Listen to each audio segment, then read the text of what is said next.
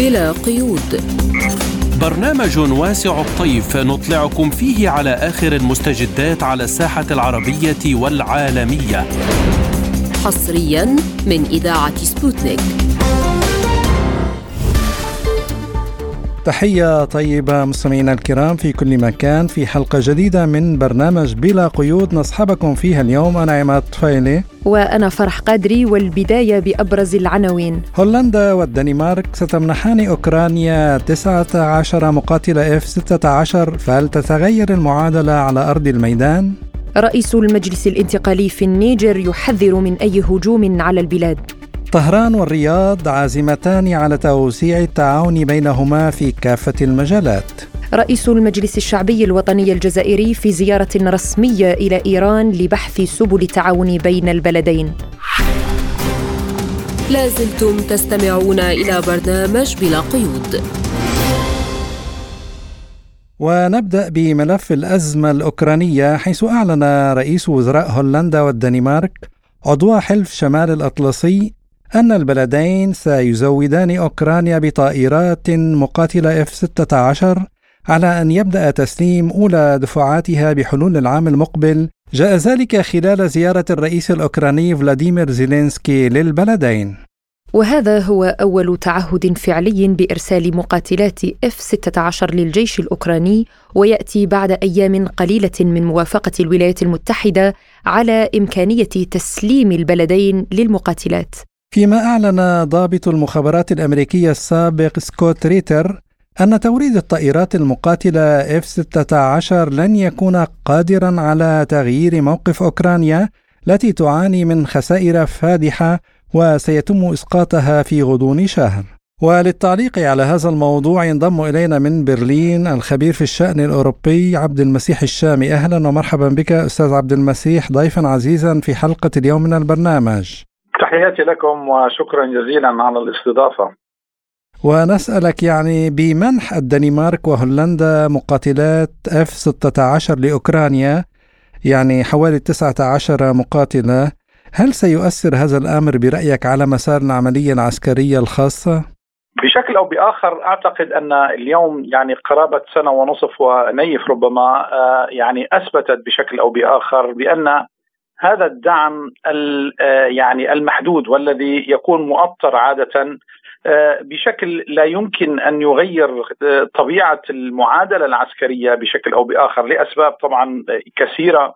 لا أعتقد أنه غير قبل الآن ولا أعتقد أنه سوف يغير بشكل أو بآخر، يعني لنتذكر قضية الدبابات الألمانية والأمريكية والتي اثير جدل عليها وأنها سوف تغير المعادلة ولكن شاهدنا كيف كان مصير هذه الأسلحة بشكل عام في المعركة لم تستطيع اولا أن تقدم أي أي انتصار أو أي إنجاز عسكري على الأرض لا بل أنها منيت بهزيمة ربما كانت مذله حتى للدول التي قدمتها والتي تصنعها بشكل أو بآخر.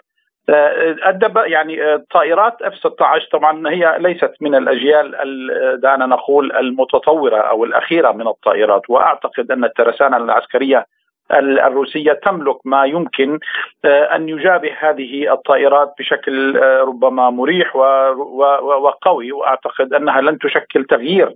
يعني دعنا نقول نتكلم الآن عن من الناحية التقنية. إضافة إلى أن العدد أيضا في في معادلة عسكرية وفي حرب كالتي تجري اليوم في أوكرانيا لا يعني شيء. يعني عدد أيضا ضئيل. الفكرة بكل هذا الأمر أعتقد وهذه هي الخطة وهذه هي الأهداف الأمريكية. هي جعل هذه المعركة معركة استنزاف طويلة الأمد دون أي أفق بشكل عام إلا يعني ربما عندما يكون هنالك تراجع في الموقف في القوى العسكرية الروسية. يعني ما تراهن عليه اليوم أمريكا من خلال إطالة عمر هذه المعركة. هي ليست قادرة على رفع مستوى التسليح لأن هذا سوف يكلف يعني تكلفة كبيرة أو سوف يتطلب رد قوي جدا وصاعق ربما من قبل الروس. لذلك هم يعني يضبطون بشكل أو بآخر. نعم ممكن أنهم متخوفون. الغرب يعتقد أن اوكرانيا بحاجة إلى حشد ثلاثة ملايين شخص للنجاح في هذا الصراع يعني بحسب ما نشرتها صحيفة ألمانية. يعني برأيك هل تحول اليوم الدعم المادي والعسكري إلى دعم بشري أيضا؟ وهل من الممكن للغرب أن يرسل فعلا آه، هذه القوات إلى أوكرانيا؟ يعني أنا أعتقد من خلال ما أعرفه وما أفهمه عن العقلية الغربية وخصوصا عندما نتكلم أن يعني صحيفة ألمانية التي تنشر هذه المعلومات أعتقد أنها أن الهدف الأساسي من هذا هو تقديم العذر يعني بأنهم ليسوا قادرين على تلبيه ربما متطلبات الحرب من من من الناحية البشرية، يعني عندما نتكلم عن ثلاث ملايين هذا الأمر يعني بالمعادلات والمعطيات الموجودة اليوم في في الغرب غير ممكن وغير وارد ولا يمكن حتى أن يمرر من خلال البرلمانات. يعني الجميع بات يعرف بأن مشروع الحرب في أوكرانيا لم يعد آه، يلقى أي دعم وأي تأييد من قبل آه، يعني إن كان الشوارع يعني الشارع الأوروبي بكل الدول الأوروبية وأيضا في أروقة السياسة حتى الذين كانوا يعني يدعمون الفكرة بشكل أو بآخر ولكن عندما تصل القضية إلى التورط بشكل مباشر بإرسال جيوش بهذا العدد ثلاثة ملايين شخص أعتقد أن المعادلة سوف تكون والكثير من الناس حتى المؤيدين سوف يتعاطون وسوف يعني يكون لهم مواقف مختلفة عن آه، سابقتها. بشكل أو بآخر أعتقد أن هذا هذا الكلام يعني أن آه، آه، أوروبا تقدم عذر أو تقدم عجزها تجاه الدعم الكامل الذي يمكن أن يغير معادلة الميدان ومعادلة اللعبة العسكرية في أوكرانيا لا أكثر ولا أقل. وهذا طبعا يضاف إلى ما قلناه ربما حول عجز أوروبا وتخوف كما تفضلت الأمريكان والأوروبيين من رفع مستوى التسليح أيضا لأن المعادلة العسكرية سوف تصل إلى مكان آخر وهم أيضا ليسوا متأكدين وخصوصا بعد آه، دعنا نقول آه، يعني هزيمة الليوبارد وغيرها ليسوا متأكدين بأن حتى المكنة العسكرية الغربية قادرة بمجملها وحتى لو دخلت بشكل كبير أن تغير كثير من المعاناة لا بل أنها سوف تؤدي بشكل حتمي. وربما فقط لا غير إلى دمار كبير إن كان في داخل أوروبا وإن كان في داخل روسيا. وهذا أمر لن يؤدي إلى نتائج إيجابية. لذلك المعادلات تحسب بشكل ربما مختلف في هذا الإطار. نعم أستاذ عبد المسيح يعني هناك تصريح لافت للمستشار الألماني اولف شولتز. يعني يقول لا نريد تصعيد الأزمة الأوكرانية لتتحول إلى صدام بين روسيا وحلف الناتو.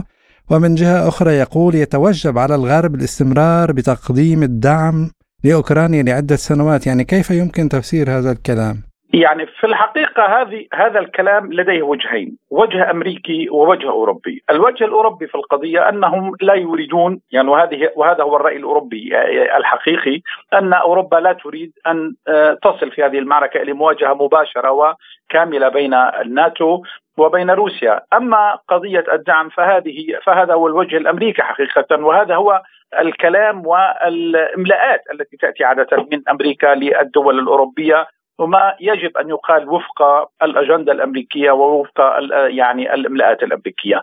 اصبح واضح أعتقد للجميع بأن هذه المعركة لا تحظى بتأييد حقيقي دعنا نقول طبعا يعني لا نريد أن نتكلم عن التصريحات العلنية كما قلنا والتي تأتي بفرض وبأوامر أمريكية ولكن ب يعني صميم الموقف الأوروبي وصميم حتى موقف الشارع الأوروبي بشكل أو بآخر، الجميع يعرف أن هذه الحرب لم تعد تلقى أي تأييد بشكل عام. ولكن الأمريكان يهيمنون على هذه القارة. هم ما زالوا يستعمرون كما يعني أيضا تكلمنا ربما كثيرا والجميع أصبح يعرف ويرى هذه الحالة بأن أمريكا تسيطر وتهيمن وهي تستعمر هذه القارة وهي تفرض عليها أجنداتها وهي التي تهيمن على القرار العسكري بشكل أو بآخر. بعد الحرب العالمية الثانية كما نعرف أمريكا لم تسمح للأوروبيين ببناء قوة عسكرية.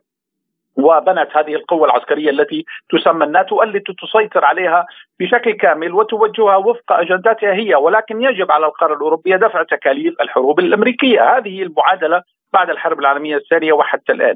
للأسف يعني هذه ربما الخريطة أو التركيبة التي يمكن فهم كثير من التصريحات التي نسمعها من قادة أوروبا في الأونة الأخيرة بعد الحرب الأوكرانية. نعم أستاذ يعني هنا إذا تحدثنا عن الجانب يعني حلف الناتو و إمكانية صدامه مع روسيا العديد من الخبراء الأمريكيين والضباط السابقين في الجيش الأمريكي اتفقوا على وجهة نظر واحدة إلى حد ما في أنه في حال ما إذا حدث صدام بين حلف الناتو وروسيا ف أوكرانيا ستخسر في المواجهة. يعني ولا طريقة لحل هذه الأزمة والتسوية من سوى هي المفاوضات. يعني ما تعليقك؟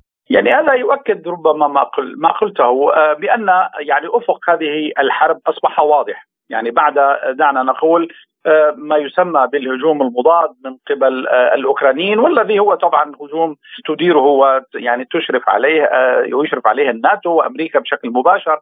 بعد فشل هذه المحاولات وأيضا القوة التي أظهرتها روسيا أعتقد أن هذا الأمر وضع حد نهائي حتى فكرة ان أو حلم أن يكون هنالك أي نصر حقيقي في هذه المعركة. واليوم كما يعني أصبح أيضا واضح المعركة أصبحت معركة استنزاف للغرب وليس لروسيا. وبالتالي اليوم آه، الغرب فعلا بدأ يبحث عن مخرج آه، آمن من هذه المعركة، القضية هنا أن في ظل انعدام أي إمكانية لتحقيق أي نصر عسكري في هذه المعادلة إذا أوقفت أمريكا أو الغرب أوقفت أوقفوا الحرب سوف تكون الهزيمة يعني نكراء وكبيرة وإذا استمروا في الحرب هنالك استنزاف أيضا كبير والهزيمة محققة عاجلا أم اجلا.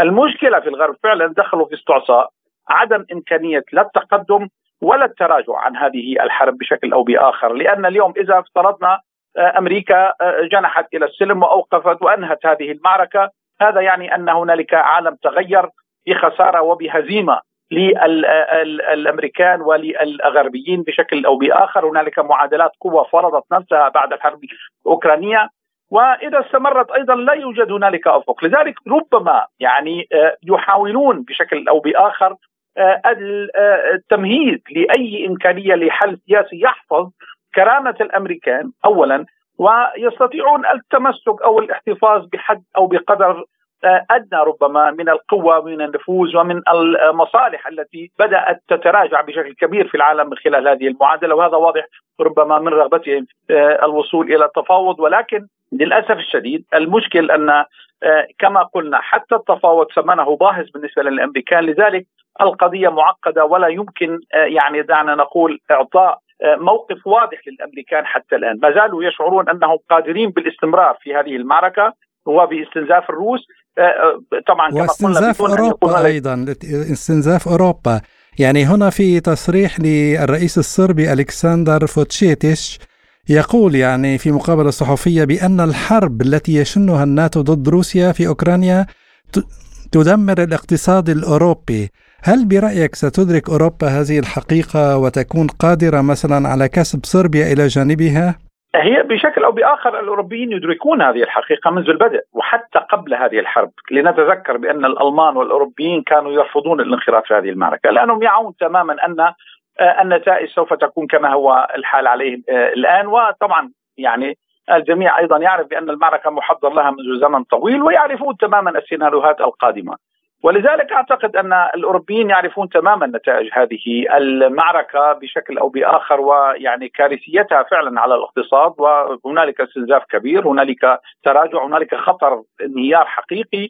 آه، يعني بالنسبة للموقف الصربي طبعا يعني هذا يعبر عن حقيقة الأمر على ما هو عليه ولكن بشكل أو بآخر أعتقد أن صربيا لها مواقف أيضا مبدئية من من هذا الصراع وهي على على علاقة قوية جدا مع الروس ولا أعتقد أنها آه، بوارد اليوم الانتقال إلى الضفة الأخرى خصوصا وأن اليوم عندما يتكلم الرئيس الصربي بأن الاقتصاد الأوروبي أو القارة الأوروبية اليوم يتجدها الانهيار الاقتصادي التام لا أعتقد أنه يكون بوارد اليوم التقارب مع الأوروبيين بشكل أو بآخر وخصوصا وان له علاقات تاريخية ربما مع الروس لذلك لا أعتقد أن هذا وارد بشكل أو بآخر ولكن ما قاله الرئيس الصربي هو فعلا عين الحقيقة وهذا أمر أصبح واضح للقاسي والداني حقيقة. نعم يعني أنت منذ قليل تحدثت عن آه، تغير في المزاج العام في الشارع الأوروبي ولم يعد يلقى الدعم العسكري وحتى المعنوي للقضية الأوكرانية وللأزمة الأوكرانية في الشارع لأنه في أوروبا تأثر اقتصادهم وتأثر جيبهم المادي. آه، برأيك يعني هل من الممكن أن نرى قريبا معارضة قوية في الشارع الأوكراني وعلى هذا النظام نظام كييف؟ بشكل أو بآخر أعتقد يعني إذا إذا يعني كان هنالك إمكانية فعلا لإجراء استفتاء أو لاستقصاء الرأي الأوكراني أنا أعتقد أن الكثير من الأوكرانيين الغالبية الساحقه سوف تكون ضد هذه الحرب. ولكن السؤال من الذي يسأل الأوكرانيين الأوكرانيين عن رأيهم في هذه المعركة؟ المعركة أكبر من أوكرانيا. المعركة لا تقف عند حدود أوكرانيا وبالأساس هي ليست معركة أوكرانية في الحقيقة في الواقع يعني ليست معركة الشعب الأوكراني. وأنا أقول أن الشعب الأوكراني ربما آه، الموجود على الضفتين هنا أو هناك هو ضحية بشكل أو بآخر.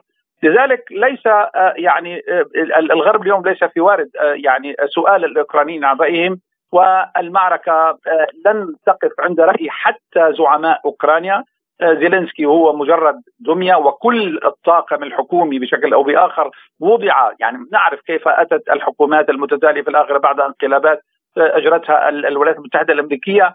ولذلك للأسف الشديد أقول أن الموقف الأوكراني ليس له أي قيمة وليس اي له أي ثقل في هذه المعركة. والمعركة سوف تسير وفق الأجندة الأمريكية الغربية بشكل أو بآخر وخصوصا الأمريكية البريطانية.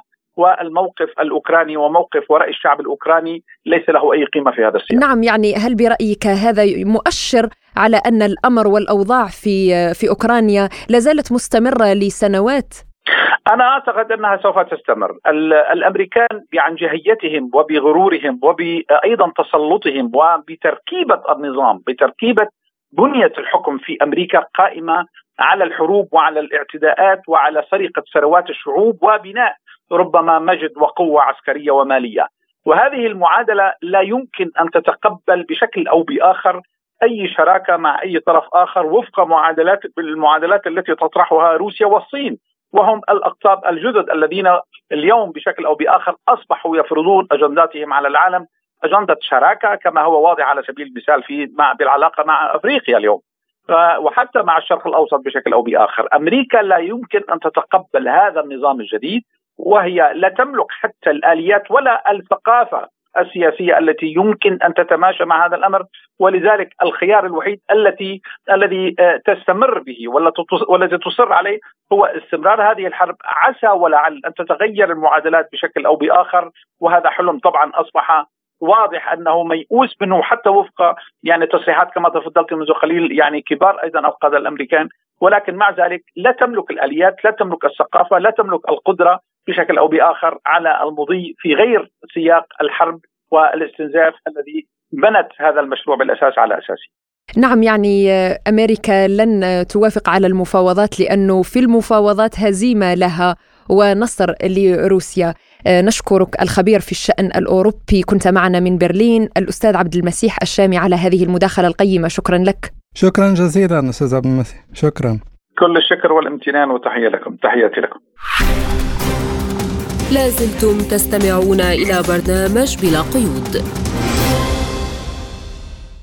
وفي النيجر حذر رئيس المجلس الانتقالي الجنرال عبد الرحمن تشياني في خطاب تلفزيوني من أن أي هجوم على النيجر لن يكون نزهة في حديقة. كما أعلن الجنرال تشياني عن عقد حوار وطني شامل بالبلاد في غضون ثلاثين يوما للتوافق على فترة انتقالية لا تتجاوز ثلاث سنوات.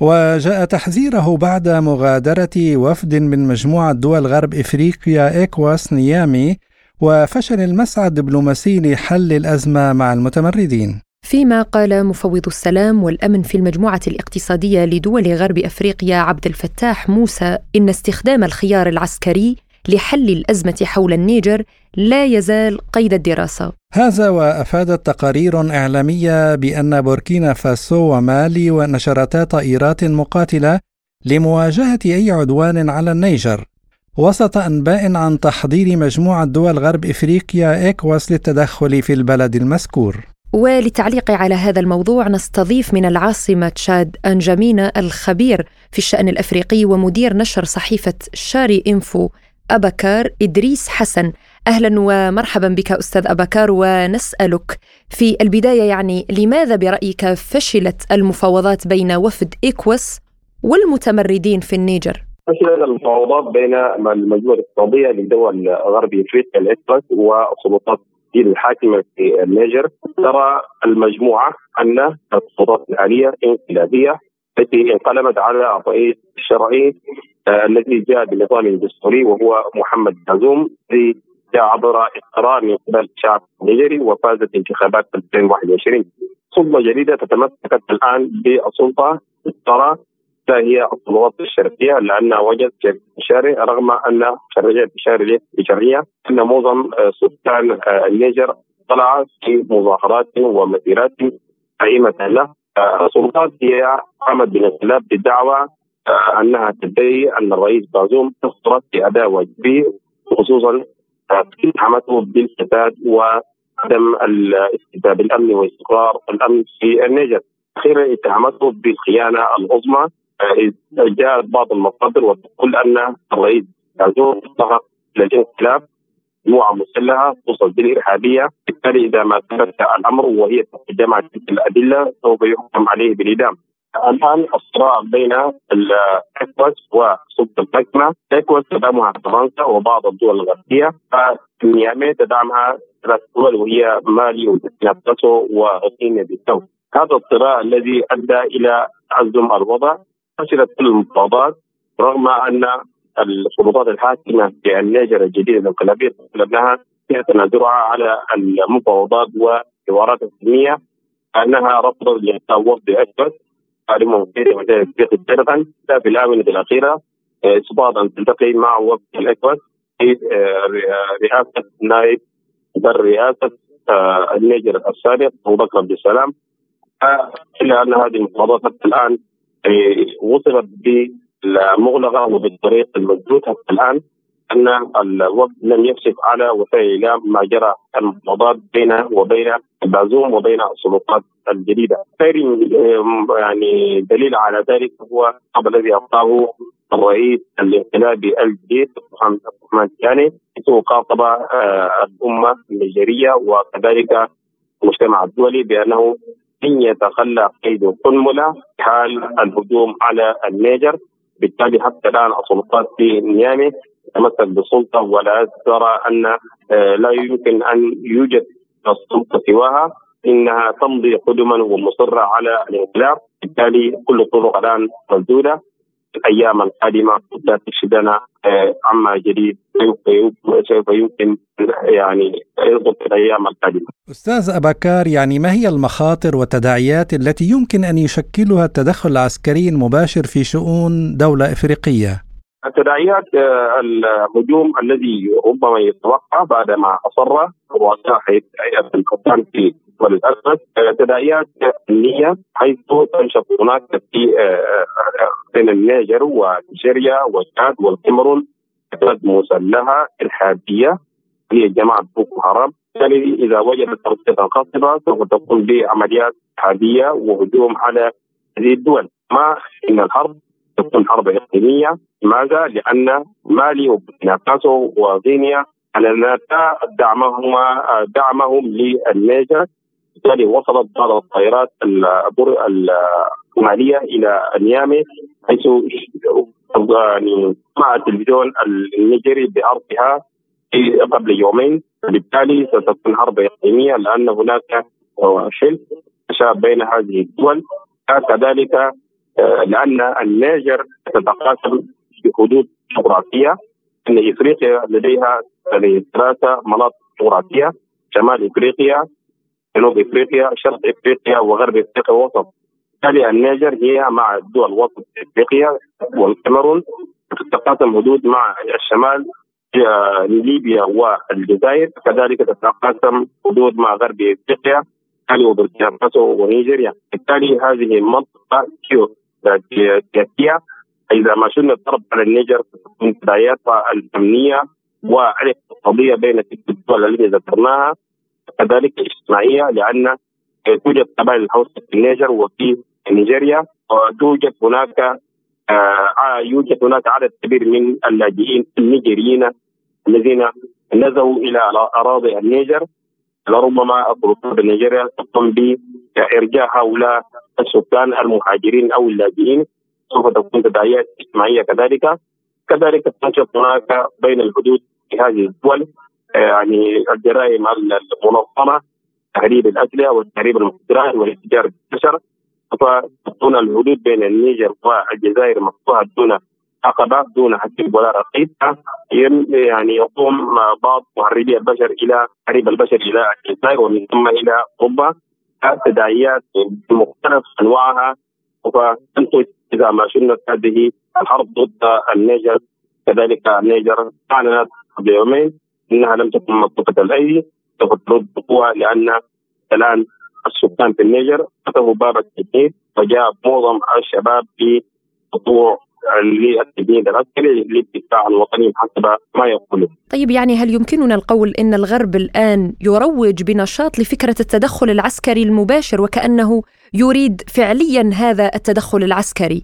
حسب تقديري لا لأن آه، لا يمكن أن تبعث الولايات المتحدة الامريكيه سفيره لها في هذا الوضع فلا يتجرأ أي متجري سواء كان أو من يقامها ان تقوم بحرب كان وجود سفيرة رغم أن البيض الأبيض يقول لا يمكن للسفيره الجديدة أن تسلم أوراق اعتمادها لاخطوط الجديدة لانها طرائق بلاديه وليس شرعية. بوجود هذه السفيره وعدم آه، وجود أو حتى الآن الإدارة الأمريكية تقوم ب يعني خروج بعثتها الدبلوماسيه التسليم ولا التقييم. فبالتالي آه، آه، إدارة أيضا تريد أن تقوم فيما بعد بشراكه مع السلطات الجديده ان حتى الآن السلطات الانقلابية لن تبلغ مباشرة واشنطن عدم آه، يعني رضاها وجود القواعد العسكرية وأن القواعد الأخرى سواء كان إيطالية أو ألمانية. بالتالي ربما واشنطن تريد يعني إقامة علاقة جديدة استراتيجية عسكرية مع السلطات الجديدة إن تريد أن تنشي القاعدة الإفريقية الأمريكية هنالك في النيجر. هذا ما هو مستبعد الآن. إن بوجود هذه السفيرة لا يستطيع أي قائد مكان أن يقوم بعملية عسكرية. هذا أمر ربما أقول مستحيل الخبير في الشأن الإفريقي ومدير نشر صحيفة شاري إنفو أبكار إدريس حسن شكرا جزيلا لك. لازلتم تستمعون إلى برنامج بلا قيود.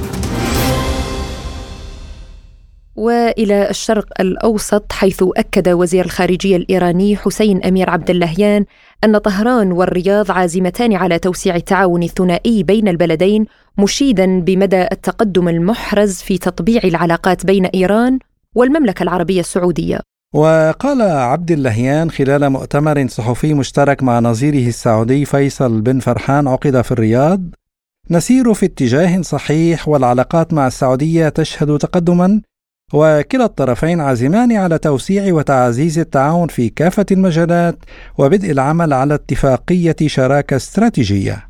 كما أشار الوزير الإيراني إلى أن إيران والمملكة العربية السعودية اتفقتا على إقامة تعاون أوثق في المجالات الاقتصادية والتجارية والسياحة والعلوم والتكنولوجيا. وللتعليق على هذا الموضوع إليكم ما يقوله لبرنامجنا الخبير في الشأن الإيراني محمد غروي بهذا الصدد. بسم الله الرحمن الرحيم، لا شك بأن الدولتين آه، لديهما لديهما العزم والخيار بالمضي قدما بهذه الشراكة التي بدأت في الصين وإن شابه بعض الخلل وإن شابه بعض التأخير والفتور في بعض الأوقات والتدخلات من هنا وهناك وأهمها التدخل الأمريكي الذي بدأ واضحا بأن الولايات المتحدة الأمريكية آه، غير راغبة آه، بحصول هكذا شراكة فيما بين إيران والسعودية وأكثر من ذلك هي غير راغبة بأن تكون دول المنطقة أن تدخل في تحالفات وفي توافقات وفي حوارات آه، تفضي بالنتيجة إلى آه، آه، عدم أهمية وجود الولايات المتحدة الأمريكية في هذه المنطقة. واضح بأن الأمريكي مستاء جدا من هكذا توافقات وحوارات تجري في هذه المنطقة لأجل ضمان وجوده في هذه المنطقة أهمها الوجود العسكري و المواقع العسكرية وإلى آخره. لذلك رأينا بأن الولايات المتحدة سعت كثيرا من خلال خلق أزمات في هذه المنطقة. يمكن أن نذكر منها العديد من هذه الأزمات التي التي خلقت في الآونة الأخيرة. لذلك نرى بأن أهمية أن تبقى هاتين الدولتين على علاقة وطيدة فيما بينهما. وإن طال الزمن للوصول إلى شراكة استراتيجية عميقة كالتي يسعى لها الإيراني بشكل خاص آه، يعني أهمية هذا الموضوع تكمن في أن يبقى الطرفان آه، مصممان على ما صمموا عليه يوم التقوا في الصين في هذا الإطار. وعن مسألة ضمان الأمن في منطقة الخليج بشكل مستقل من قبل السعودية وإيران وما يقصد به يقول غروي. يعني واحدة من القضايا التي تبحث الآن فيما بين إيران والسعودية وأيضا فيما بين إيران ودول الخليج الفارسي هي ضمان الأمن وأن يكون الأمن آه، نابعا من آه، من شراكة فيما بين دول المنطقة ليس للغرب ولأمريكا والدول التي آه، لديها مواقع عسكرية في منطقة الخليج الفارسي. أن لا يكون لها أي آه، وجود في هذه المنطقة، هذا ما تسعى له إيران بطبيعة الحال وهذا ما آه، يعني تتابع إيران أن تقنع دول الخليج أو منظمة التعاون الخليجي لكي تدخل في هكذا شراكة، إذا ما نجحت إيران في هذه الشراكة الأمنية بطبيعة الحال يكون الإيراني قد ضمن خروج الولايات المتحدة الأمريكية أو على الأقل تخفيف وجود هذا الأمريكي الذي دخل إلى هذه المنطقة بحجة أنه يضمن الأمن لدول الخليج الفارسي في هذا الإطار، لكن رأينا في السنوات الماضية بأن أمريكا وهذه الدول التي جاءت إلى المنطقة بحجة ضمان أمن آه، دول خليجية هي لم تفعل شيء لهذه الدول وخاصة فيما يخص الإمارات حينما تم قصف مطارها وأيضا فيما يخص آه، السعودية في آه، حينما قصفت أرامكو وغيرها من المواقع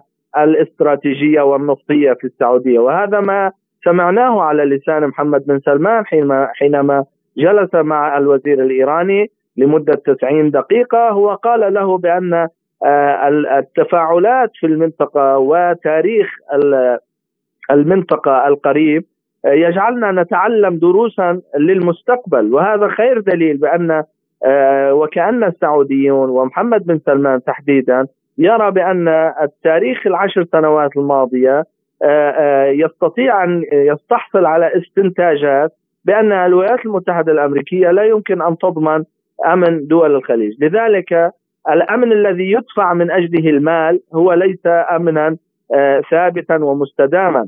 لكن ما تطرحه إيران من أمن مستدام وأمن إقليمي وأمن ينبع من قدرات محلية آه، توافقية وينتج من خلالها الحوار آه، لكي تضمن هذه الدول هذا الأمن هذا الذي يمكن أن نعول عليه وأن نتكئ عليه في حفظ مواردنا وحفظ اقتصادنا وحفظ آه، السفن والحفظ النفط وإلى آخره.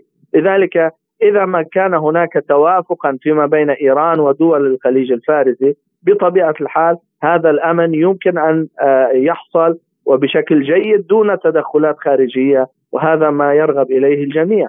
وعن مدى تأثير إقامة شراكة استراتيجية بين إيران والسعودية على ميزان القوى في العالم يقول غروي. واضح هذا ما كان دائما على عبر مئات السنوات يسعى لأجله الغرب آه، والاستكبار العالمي والاستعمار فرق تسد هذه السياسة كانت منذ آه، عشرات السنين هي التي يعني آه، شكلت عائقا أمام الوحدة فيما بين هذه الدول سواء نتكلم عن موضوع الوحدة الإسلامية التي تسعى لاجله إيران أو الوحدة المناطقية في هذه المنطقة، إذا ما استطعنا نحن كدول المنطقة أن يكون فيما بيننا شراكة استراتيجية وشراكة أمنية واقتصادية بالتالي سنكون نحن وزنا ثقيلا في هذه المنطقة نستطيع من خلالها أن نفرض رأينا وشروطنا على الغرب الذي يسرق مقدراتنا ومواردنا وما إلى هنالك، لذلك أهمية آه، الوحدة فيما بين الايراني والسعودي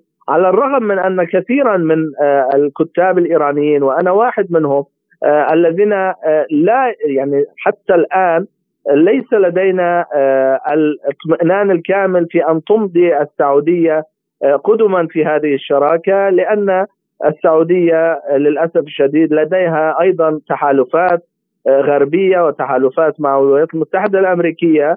تجعلنا نفكر ألف مرة في هل في هل أن السعودية ستمضي في هذه الشراكة أم أن خللا سيطرأ على هذه الشراكة الاستراتيجية خاصة فيما لو إذا فكرنا بأن السعودية تقوم بتكتيك تكتيك ما لتمرير بعض الرسائل للولايات المتحدة الأمريكية لتأخذ ثمنها من الولايات المتحدة الأمريكية. ونحن هنا في إيران لا نقبل أن تكون ورقة التفاوض مع الإيرانيين هي ورقة آه، فقط آه، زمنية وآنية للضغط على الولايات المتحدة الأمريكية ولكسب مزيد من المكاسب السعودية في هذا الإطار، نحن كإيرانيين نتمنى وهذا التوافقات هي توافقات جدية آه، تكسب الطابع الاستمراري في هذا الإطار لكي نتعاون ونصل إلى آه، آه، إلى الأمان والاقتصاد وإلى آخره وأن لا تكون هذه الورقة ورقة ضغط على الولايات المتحدة الأمريكية لكسب مزيد من الأوراق والمكتسبات التي هي لصالح المملكة العربية السعودية. استمعنا إلى الخبير في الشأن الإيراني محمد غروي. لازلتم تستمعون إلى برنامج بلا قيود.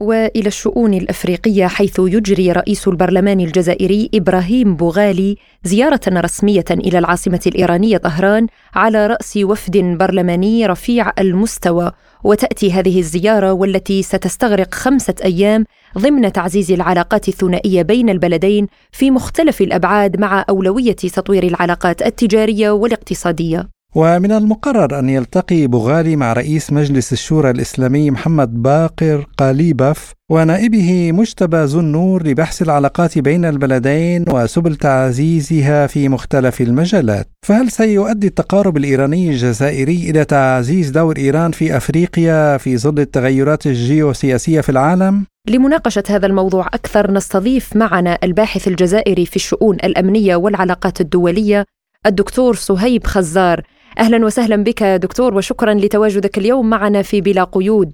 يعني أبدأ معك من قراءتك لهذه الزيارة زيارة رئيس البرلمان الجزائري لطهران. في البداية أشكركم على الاتصال الكريم آه، فيما يخص تعليق على الزيارة أنا أراها من جانبين الزيارة آه، أرى بأنها عادية من جهة لطبيعة العلاقات الثنائية بين البلدين خصوصا خلال العقدين الأخيرين آه، وأراها من جانب آخر استثنائية لأنها قد تكون الزياره آه، تمهد لزيارات أعلى مستوى في المستقبل بين رئيسي البلدين. وكيف يمكن تقييم الوضع الحالي للعلاقات الإيرانية الجزائرية في ظل الضغوط الغربية؟ طيب الجزائر لطالما كانت يعني سيادية في قرارها وفي علاقاتها الدولية يعني منذ استقلالها كانت الجزائر تربط علاقاتها الدولية والدبلوماسية مع الدول الأخرى بالرغم من كل الضغوط التي كانت تواجهها وقد كانت إلى زمن قريب يعني آه، كانت يعني آه، تحتضن حتى حركات المقاومة الفلسطينية واللبنانية في الجزائر بالرغم من تلك الضغوط الغربية الكبيرة التي كانت تفرض عليها آه، وهذا ما ما, ما يدل على أن آه، تحركات الجزائر الآن على المستوى الدولي وربطها لعلاقات دبلوماسية وتوشيجها للعلاقات الدبلوماسيه مع الدول الأخرى التي يسميها الغرب بين قوسين بالدول المارقة. آه، يعني هذا يعبر عن مدى سيادية وقوة الجزائر على في ربط علاقاتها مع أي دولة تريد أن تربط مع هذه العلاقات الدبلوماسية. وكما كنت قد ذكرت انفا بأن علاقات الجزائر وإيران توشجت بشكل كبير منذ عقدين منذ آه، تولي آه، الرئيس السابق عبد العزيز بوتفليقة لرئاسه الجزائر شهدنا بأن العلاقات عادت بشكل قوي بعد أن قطعت في فترة قصيرة في في التسعينات لأسباب معينة فقد عادت العلاقات بدايات الألفية الجديدة إلى مستوى عالي جدا من التنسيق ومن ال يعني ال ال الاتفاقيات المشتركة بين البلدين. طيب يعني برأيك هل سيؤدي التقارب الإيراني الجزائري اليوم إلى تعزيز دور إيران في المنطقة في إفريقيا في ظل التغيرات الجيوسياسية في العالم والأعين كلها منصبة نحو إفريقيا للاستثمار فيها. طبعا الآن آه، يمكن أن يكون هذا الحديث سابقا عن اوانه ولكننا الآن نترقب يعني زيارات بأعلى مستوى من هذه الزيارة كزيارة مثلا رئيسين سواء رئيس إيراني الجزائر أو الرئيس الجزائري لايران لكي آه، يعني تكون هناك اتفاقيات، اتفاقيات هذه من شأنها أن تجعل الجزائر بوابة اقتصادية وتجارية أيضا بالنسبة لإيران في في إفريقيا. ما الذي سيقدمه التقارب الإيراني للجزائر؟ يعني ما المشاريع كذلك التي تستفيد الجزائر فيها من الخبرة الإيرانية؟ طبعا آه، الجزائر يمكنها أن تستفيد من التجارب الإيرانية في المجال الصناعي آه، العسكري أو المدني. يعني آه، إيران تحقق يعني خطوات هائلة في مجال الإنتاج سواء العسكري فيما يخص الطائرات مثلا بدون طيار والتي أصبحت الآن تتريث تكنولوجيتها يعني العديد من الصناعات العسكرية على المستوى حتى الدولي وأيضا الصناعات الصحية والدوائية في إيران. وأيضا صناعة السيارات والجزائر مهتمة جدا فتح يعني سوق السيارات الآن وهي ال ال يعني ال الكلام يدور حول فتح الجزائر أو أو نيتها لفتح سوق السيارات للعديد من الدول يعني إضافة لبعض الماركات التي كانت معتمدة في الجزائر الآن الجزائر تريد الانفتاح على العديد من الأسواق ومن بينها السوق الإيرانية. هذا الانفتاح قد يجعل لإيران موطئ قدم نحو إفريقيا نحو تصدير صناعاتها لما لا لتكون لديها مصانع تركيب سيارات إيرانية في الجزائر تكون هذه النقطة هي نقطة امتداد وتصدير لهذه المنتوجات نحو كل آه، دول إفريقيا وأيضا يمكن للجزائر أن تستفيد من العديد من يعني المشاريع العلمية والتكنولوجيا الإيرانية الرائدة خصوصا تكنولوجيات النانو وتكنولوجيات الطاقات المتجددة والطاقات النووية السلمية وغيرها الكثير من الأمور التي يمكن للجزائر أن تستفيد من آه، التجارب الإيرانية في هذه المجالات. الباحث الجزائري في الشؤون الأمنية والعلاقات الدولية الدكتور صهيب خزار شكرا جزيلا لك. لازلتم تستمعون إلى برنامج بلا قيود. وإلى الشأن الاقتصادي والتحولات المالية والاقتصادية التي يعيشها العالم والتي تحاول الدول أن تواكب التغيرات الجيوسياسية الطارئة والتضخم الاقتصادي الذي ضرب عدة بلدان بسبب جائحة كورونا اولا ومن ثم بسبب الأزمة الأوكرانية الروسية وتحاول أن تخرج من سيطرة الدولار الأمريكي وتجد لاقتصاداتها حلولا بديله وتحدث رئيس قسم السياسة النقدية في شركة فينانس ترايس المالية إيفاندرو كاسيانو عن مستقبل العملة الرقمية الموحدة لدول البريكس معتبرا أن بنك التنمية الجديد قد يصبح هو المصدر لهذه العملة. ويعتقد رئيس قسم السياسة النقدية في شركة فينانس تريس المالية أن المؤسسة المالية ستحتاج إلى زيادة المحفظة الاستثمارية والتي سيتم تزويدها بمثل هذه العملة من أجل استخدامها للاستثمار في المرحلة التالية ومن الممكن أيضا استخدامه لإجراء المعاملات التجارية فما مستقبل العملة الخضراء في السنوات القادمة أمام حلف البريكس؟ للحديث أكثر عن هذا الموضوع. نستضيف معنا الخبير الاقتصادي البروفيسور مراد كواشي. أهلا وسهلا بك بروفيسور وشكرا لتواجدك الدائم معنا في برنامج بلا قيود. أهلا بك أستاذة تحية طيبة وسلام عطر لك وللمستمعين الكرام. نبدأ معك بروفيسور من تحليل لرئيس قسم السياسة النقدية في شركة فينانس تريس المالية في قوله إن بنك التنمية الجديد قد يصبح هو المصدر للعملة الرقمية الموحدة لدول البريكس يعني ما تعليقك إلى أي مدى توافق آه، مع هذا الطرح؟ نعم بالتأكيد. أعتقد أن هذا الكلام ربما فيه جانب كبير من الصحة وهذا الكلام سبق لنا وأن ذكرناه في محطات سابقة على اعتبار أن ربما الثغرات التي يعاني منها النظام المالي العالمي الحالي سواء كان صندوق النقد الدولي أو البنك العالمي. هناك تذمر كبير من طرف العديد من دول الجنوب من طرف العديد من الدول النامية تجاه هاتين المؤسستين اللتين ربما ربما آه، لا تقدمان المساعدات والقروض المالية إلا لتلك الدول التي تساير سياسة الولايات المتحدة الأمريكية والدول الغربية، أما الدول الأخرى التي ربما تكون محايدة إن صح القول فتفرض عليها شروط قاسية وقاسية جدا، ضف إلى ذلك ربما الأزمات الكثيرة التي شهدها الدولار الأمريكي وتراجع العديد من الدول على استخدامه، ربما عجل بالكثير من الدول بالمطالبة نظام عالمي مالي جديد. ربما يكون بنك البريكس أحد أطرافه أو أحد اذرعه المالية. وربما تكون هناك عملة رقمية جديدة لدول البريكس. ستعوض لاحقا حتى الدولار الأمريكي. الولايات المتحدة تشهد الآن أسوأ أزمة اقتصادية في تاريخها حسب تقديرات عدة محللين. كيف برأيك ستؤثر عملة البريكس الموحدة على قيمة العملات الوطنية للدول الأعضاء في المنظمة؟ هي في حقيقة الأمر ما زال الدولار لحد الآن هو عملة الاحتياطات العالمية وهو عملة للتجارة العالمية لكن نحن نتكلم من منظور ربما مستقبلي على المدى المتوسط يعني على الأقل بعد سبع, سبع أو ثمان سنوات. أعتقد أنه بالنظر إلى الهزات التي شهدها الاقتصاد الأمريكي في الآونة الأخيرة الأزمات المالية التي عرفتها بعض البنوك الأمريكية والتي انتقلت بعد ذلك هذه الأزمات إلى بنوك أوروبية أيضا ربما بسبب سياسة الولايات المتحدة الأمريكية بتجميد بعض الاحتياطات آه، احتياطات لبعض الدول التي ممسوكة بالدولار جعلت العديد من الدول تتراجع عن استخدام الدولار. أولا كعملة للاحتياطي أصبحت تمسك وتحتفظ باحتياطات بعملات أخرى. وثانيا حتى من حيث التعاملات التجارية. تم الاتفاق على بين العديد من الدول حتى تلك الدول التي ربما ليست مفروض على تلك الدول التي لم تتعرض إلى عقوبات أمريكية اتفقت على أن استخدام عملاتها المحلية لتسويه المبادلات التجارية وهناك العديد من الأمثلة سواء في شرق آسيا أو في بين الدول تراجعت استخدام الدولار واتفقت على استخدام عملتها المحلية. وإذا استمر الوضع بهذا المنحى أعتقد أنه في ظرف ست أو سبع سنوات سيفقد الدولار الأمريكي بريقه وهيمنته خاصة مع تعاظم كتلة البريكس. الدولار ما يشفع للدولار الأمريكي الآن هو أنه ما زال عملة لفترة البترول فاذا تراجعت خاصة دول الأوبك عن استخدام عملة الدولار سيكون ذلك ضربه قاسيه لهذه العملة لكن أعتقد أنه من خلال السيرورة التاريخية أنه في قادم السنوات سيتم سيضعف كثيرا الدولار وربما ستبرز عملة أخرى بديلة وأتوقع أن تكون هي العملة الرقمية للبريكس. طيب يعني برأيك ما هو مصير الدولار في المستقبل؟ هل من الممكن أن تكون عملة البريكس بديلة عن العملة الخضراء؟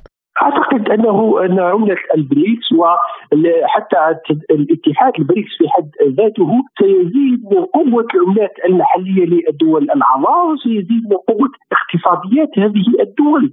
وهذا ما حدث فعلا يعني منذ أيام أو تقريبا في شهر أبريل الماضي أصبحت مجموعة البريكس تساهم في أن الاقتصاد العالمي ب 32% مقابل 29% هي نسبة مساهمة الدول السبعة الكبار.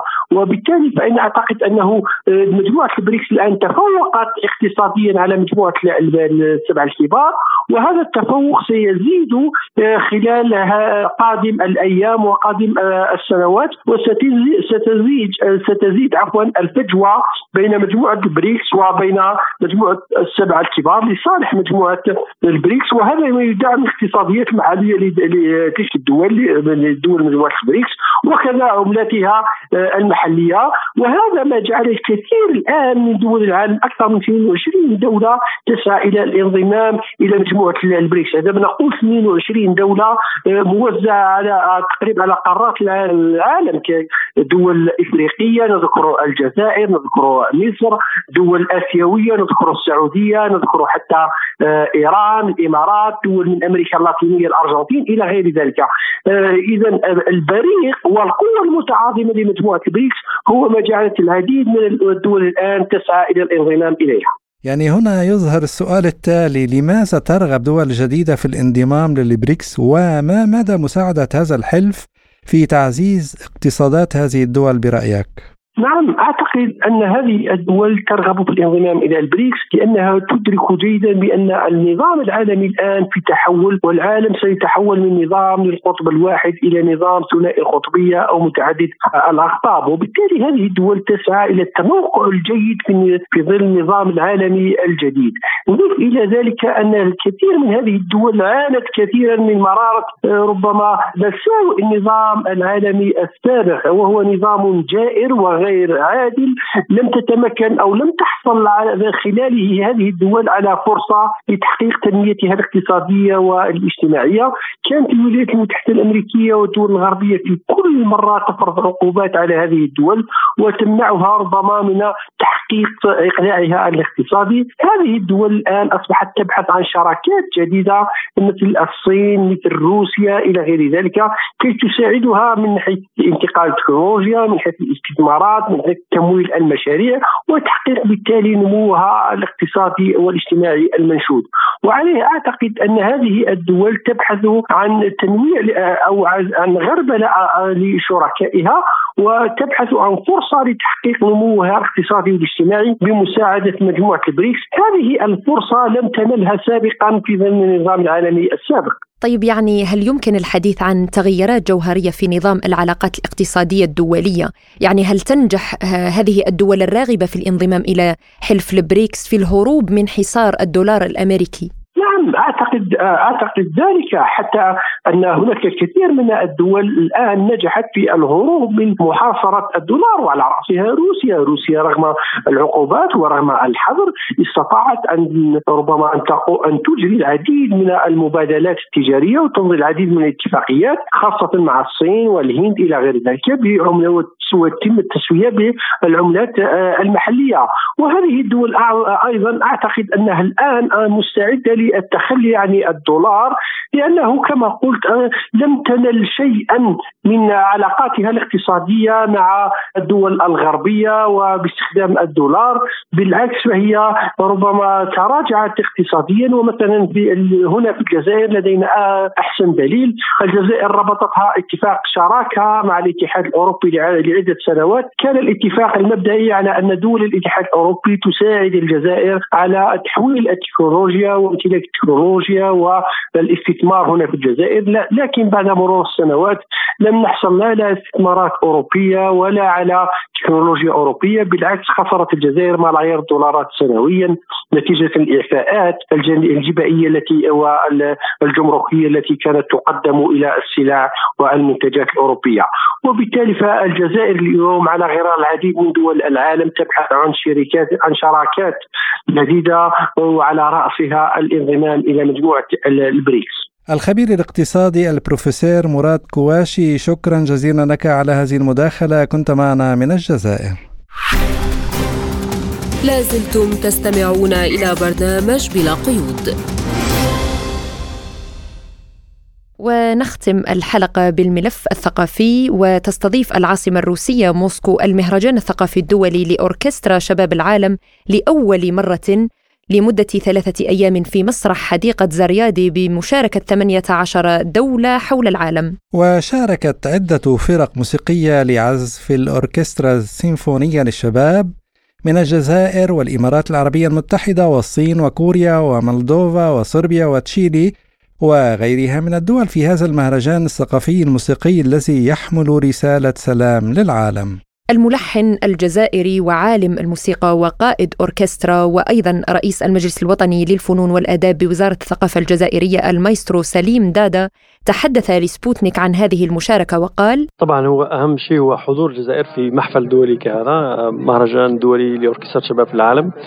وهذه يعني فرصة كبيرة للشباب الجزائري يعني شباب أوركسترا الجزائر بالاحتكاك بخبرات أخرى بثقافات أخرى بأوركسترات شبابية أخرى. وأيضا لتقديم وجه من أوجه الثقافة الجزائرية. قدمنا أعمال جزائرية أعمال لمؤلفين موسيقيين معاصرين عرب وجزائريين. آه، يعني باختلاف البرامج الأخرى التي تقدم هنا في العادة.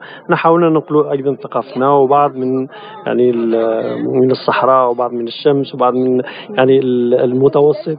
كل هذه حابين نوصلوا هنا. إيه، اذا يعني البرنامج كان كان يعكس وجه من أوجه الثقافة الجزائرية والعربية والشرقية والموسيقيين أيضا. يعني ما كانت لهم فرصة أنهم يقدموا أعمال. إن شاء الله تكون الجمهور عجبه عجبته الأعمال وعجبته حماس الشباب. هم شباب يعني كلهم طلبة يعني ما همش محترفين. فيهم بعض المعهد العالي بعضهم في المعهد الجهوي بعضهم في المعاهد البلدية لي كونسيرفاتوار وبعضهم حتى في معهد ولا اثنين يعني عصاميين.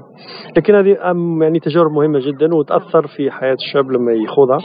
وأكيد يعني في قبل وما بعد التجارب مثل هذه هو أعتقد أنه الجمهور الروسي ما كانش يتوقع أنه نعزفوا النشيد الوطني الروسي السلام الروسي. قدمناه وكان عندنا شاب يغني بالروسية يعني حاول يغني وقدمناه بطريقة مختلفة على الصيغة العسكرية يعني بصيغة وتريات. ورحنا طبعا إلى نسخة النشيد الوطني هذه اللي درت لها توزيع آه، بمناسبة الزيارة الرسمية للسيد رئيس الجمهورية إلى إيطاليا وعزفت بهذه الطريقة في قصر الكورينال يعني في الرئاسة في روما. اذا آه، حبينا يعني نديروا هذا آه، رسالة مباشرة لما تعبر عنه الصداقة اليوم ما بين البلدين. حبينا نمسوا على وتر الوطنية لدى الجمهورين ومن بعد باشرنا يعني في العمل تاعنا.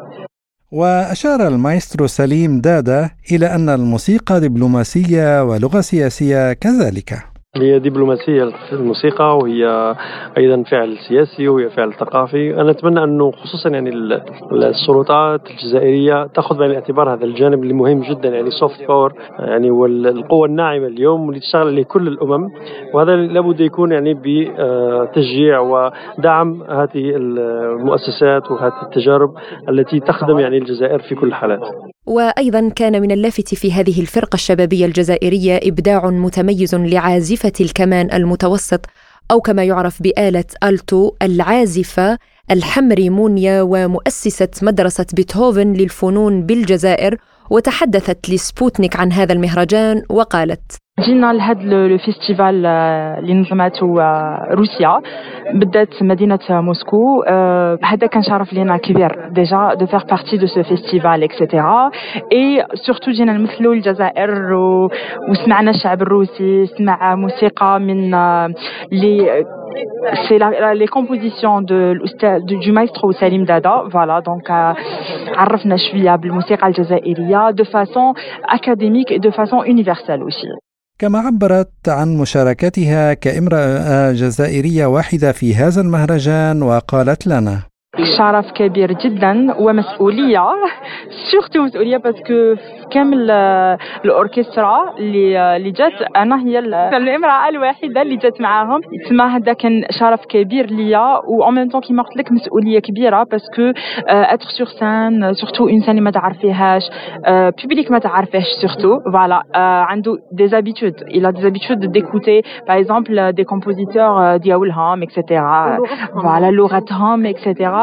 واليوم سمعوا كاع حاجة جديدة حاجة اللي ما شي ils ont pas l'habitude شافوا العود شافوا l'hymne national لعبنا قسما اللي هي une nouvelle composition enfin un nouveau arrangement تاع المايسترو سليم دادا عاود arrangé ها voilà la classique هذيك دارها بالطريقة ديالو.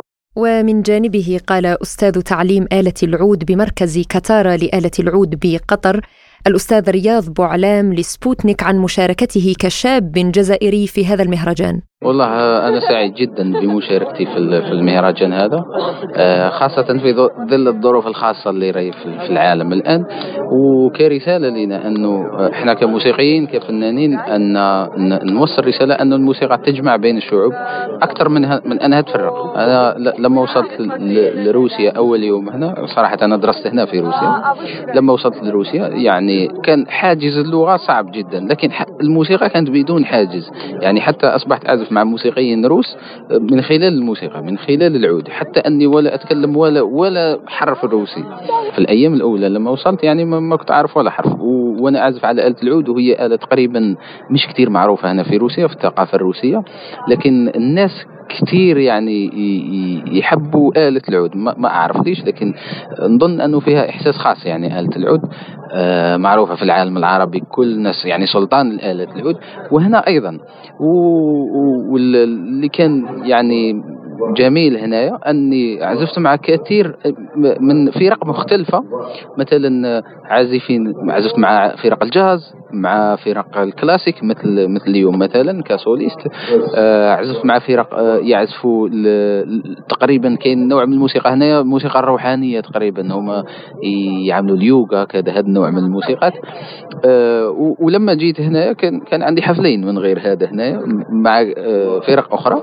وكما كنت نقول أن الموسيقى تجمع الشعوب وإن شاء الله إحنا نوصل الرساله هذه مثل ما وصلوها اللي قبلنا يعني أنه ال من خلال الموسيقى نحاول أن نجمع بين الشعوب ون ون ونوصل تقريبا رسالة سلام يعني. وبهذا المهرجان الدولي الثقافي الموسيقي الذي يحمل رسالة سلام للعالم نصل وإياكم مستمعينا الكرام إلى ختام حلقة اليوم من برنامج بلا قيود. قدمناه لكم من استديوهاتنا في موسكو أنا فرح قادري. وأنا عماد طفيلي وشكرا لإصغائكم وإلى اللقاء. إلى اللقاء.